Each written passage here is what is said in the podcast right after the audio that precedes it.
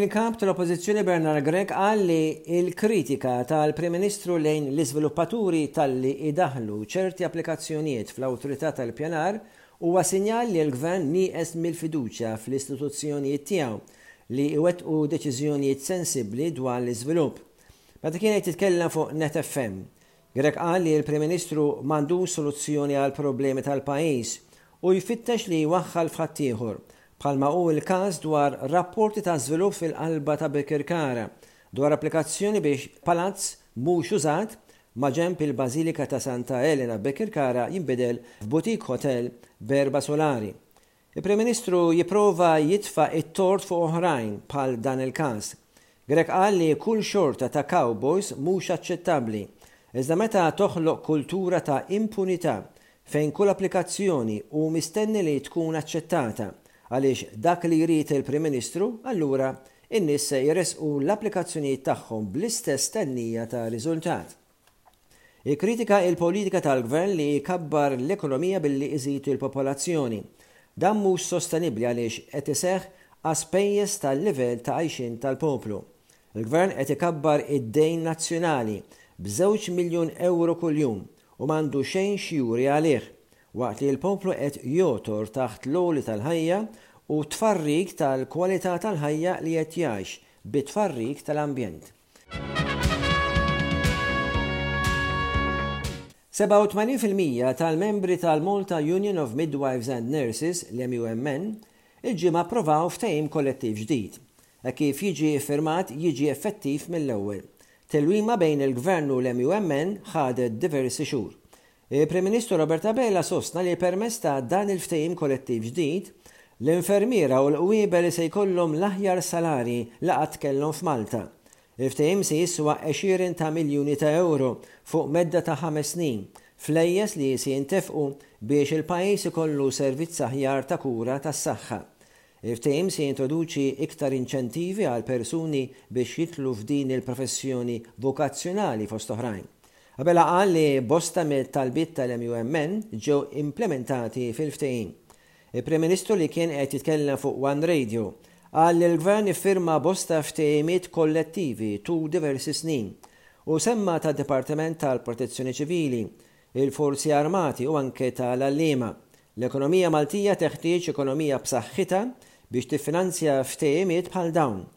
Faħħar l-MUMN li insistiet fit-tisħiħ ta' miżuri li jħajru n-nies jidħlu fil-professjoni ta' infermiera u qwiebel. Intant, il-President tal-Union tal-Infermiera u l-Qwiebel, Paul Pace, għandu jiffaċċja l-Bord Dixxiplinarju tal-Kummissjoni tas-Servizz Pubbliku wara li eżerċizzju investigattiv ikkonkluda li Pace uża ħażin fondi pubbliċi billi talab ħlas għal xogħol allegat li ma sarx anke meta kien imsiefer. Il-Bord tal-Inkjesta twaqqaf f'April wara li l-preżentatur politiku tal-Partit Laburista Manuel Cuschieri allega li l-President tal-MUMN talab diversi sigħat ta' sara fil-post tax-xogħol fl-Isptar Monte Karmeli meta attwalment kien fuq btala fl-Eġittu. Pace kien formalment ippreżentat bl-akkużi li se jiffaċċja quddiem il-Kummissjoni tas-Servizz Pubbliku.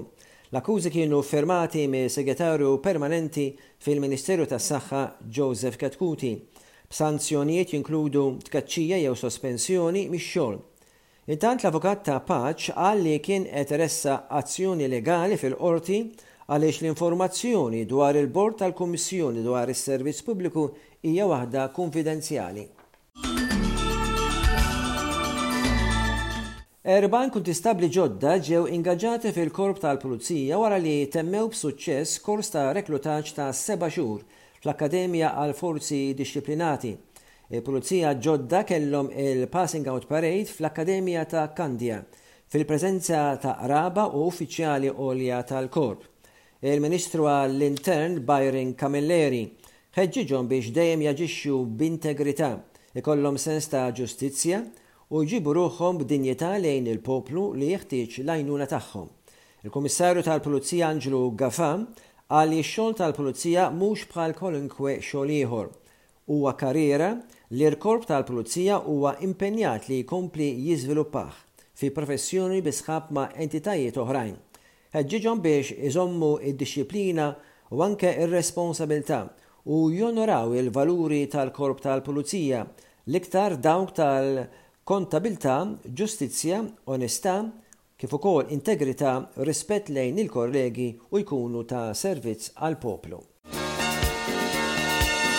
Jiġi inawgurat Park Arkeoloġiku taħt il-Baħar f'Baħar Font lil hinn mix-Xlendi, Għawdex. Park dinji li ġie ppreżentat bħala mużew virtwali.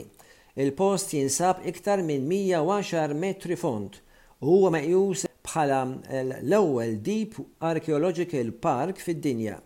Il-park ikopri żona arkjoloġika fil-baħar b'kobor totali ta' 67,000 metru kwadru. Waqt l-inawgurazzjoni tal-park fuq ix-xatt ta' Xlendi, il-Ministru għall-Wirt Nazzjonali Owen Bonnici qal li permezz ta' dan il-park, riċerkaturi u għaddasa tekniċi mid-dinja kollha jistgħu jesploraw l-istorja ta' Malta. Il-Professur Timmy Gambin li jmexxi l-Underwater Cultural Heritage Unit fi ħdan Heritage Malta, isostni li l-ftuħ ta' dan il-park uniku jgħolli l-prestiġju ta' dawn l-artefacts u depożiti oħrajn fil-Baħar tax-Xlendi u jsaħħaħ il-wirt kulturali ta' Għawdex kif ukoll il-prodott turistiku. Il-Ministru għal Għawdex Clint Camilleri qal li l-park huwa inċentiv addizzjonali għall-vjaġġaturi li għażlu lil Għawdex bħala l-għażla tagħhom